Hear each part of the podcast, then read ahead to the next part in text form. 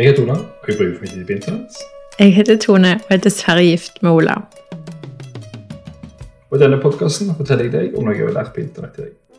I dag skal jeg fortelle deg om Aleksej Leonov. Aleksej Leonov. Skal du tippe nasjonalitet? Og er Russland? Det er to ting som er gøy med han. da. Han er en eh, russisk, eller en sovjetisk kosmonaut. Ja. Gagarin var jo først ut i verdensrommet. Og så neste steg da var å være førstemann til å gå ut av romskipet. Mm. Altså ut av en spacewalk, så heter det.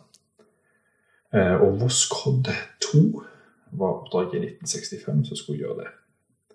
Og der var Aleksej Leonov med. Og det oppdraget der er grunnen til at kosmonauter alltid hadde med seg ei hagle opp i verdensrommet etterpå. Og hadde de med seg ei hagle? Ja. Ok.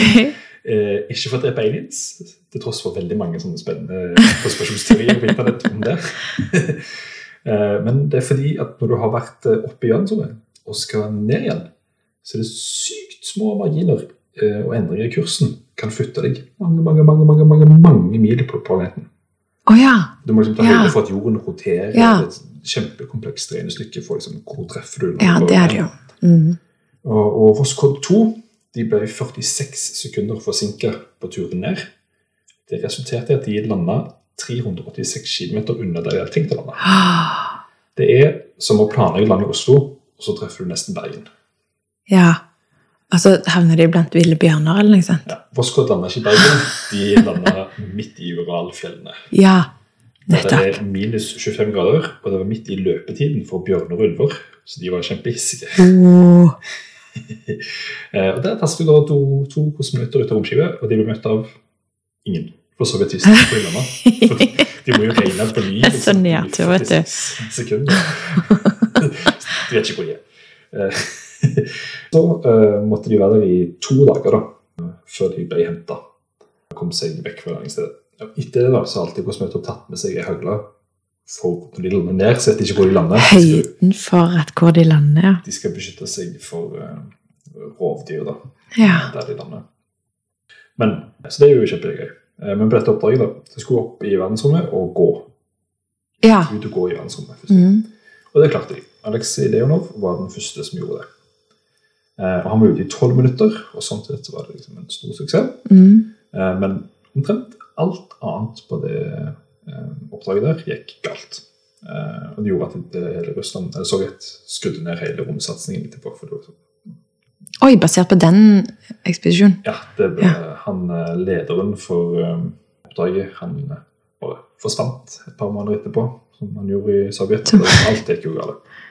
Men den kanskje den drøyeste tingen var at de hadde glemt at det er et vakuum i verdensrommet. Så når eh, Aleksej Lenov gikk ut av romskipet som første menneske noensinne, så bare blåste drakten seg opp. Og han klarte ikke å bevege seg. Og han har jo også blitt dobbelt så stor som skolen, så han kommer ikke inn igjen. inn igjen? Nei. Å nei, det er krise. Jeg bare, jeg tenker på den lille tingen der. da. Ja. Så han fikk jo selvfølgelig panikk, da. Men uh, han sa ingenting, for USA kan høre alt de sier. Så han ville jo ikke røpe at eh, nå går ting skikkelig galt her. Så han holdt helt kjeft. Uh, og selv om han, han nå var han jo førstemann til å gå ut, veldig sannsynlig han var den førstemann som dør i verdensrommet. ja, hjelper det meg for en mental eh, utfordring, det der er? Ja, og dette var de forberedt på, for han har sagt at han hadde en selvmordspille klar liksom, eh, i munnen når han gikk ut, så han kunne svelge hvis han skjønte at Å ja. Å nei. for å få det dø på en litt mer behagelig måte enn å bli dratt ut i tilbake. Liksom. Ja. Eh, men han hadde én ting han kunne prøve. Han hadde en sånn liten ventil på drakten. Eh, Så han kunne skru på, og så slapp han ut trykket av drakten. Så gjorde han det, eh, og det virket. da. Så da ble drakten dekomprimert kjempe, kjemperaskt. Mm. Så han utsatte seg selv for en sinnssyk dykkersyke. Så på 20 minutter så steg kroppstemperaturen hans med to grader. Eh, Han beskrev at han svetta så mye at han opplevde han hadde vann opp til knærne inni drakten. Oi, salan. Eh, og det kan til en viss grad bekreftes i og med at han veide seks kilo mindre da han landa, enn da han letta. Så han mista seks kilo av potensielt bare svette på de timene han var der oppe. Um, ja, og han ble jo veldig, veldig, veldig, veldig, veldig syk. Uh, og han måtte jo bare gjøre ting fort, så han gikk inn feil vei. til så bitte lite romskip at han måtte gå inn med beina først. Men han fikk jo panikk og måtte bare komme seg inn igjen. Så han gikk med hodet først, og det gjorde at de ble 46 sekunder på vei ned igjen. For seine. Å ja. Og dermed landa jo i Uralfjellene og blant hissige ulver. Å, det er så finkalkulert, dette her.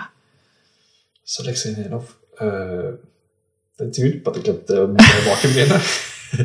og landa midt med bjørner og.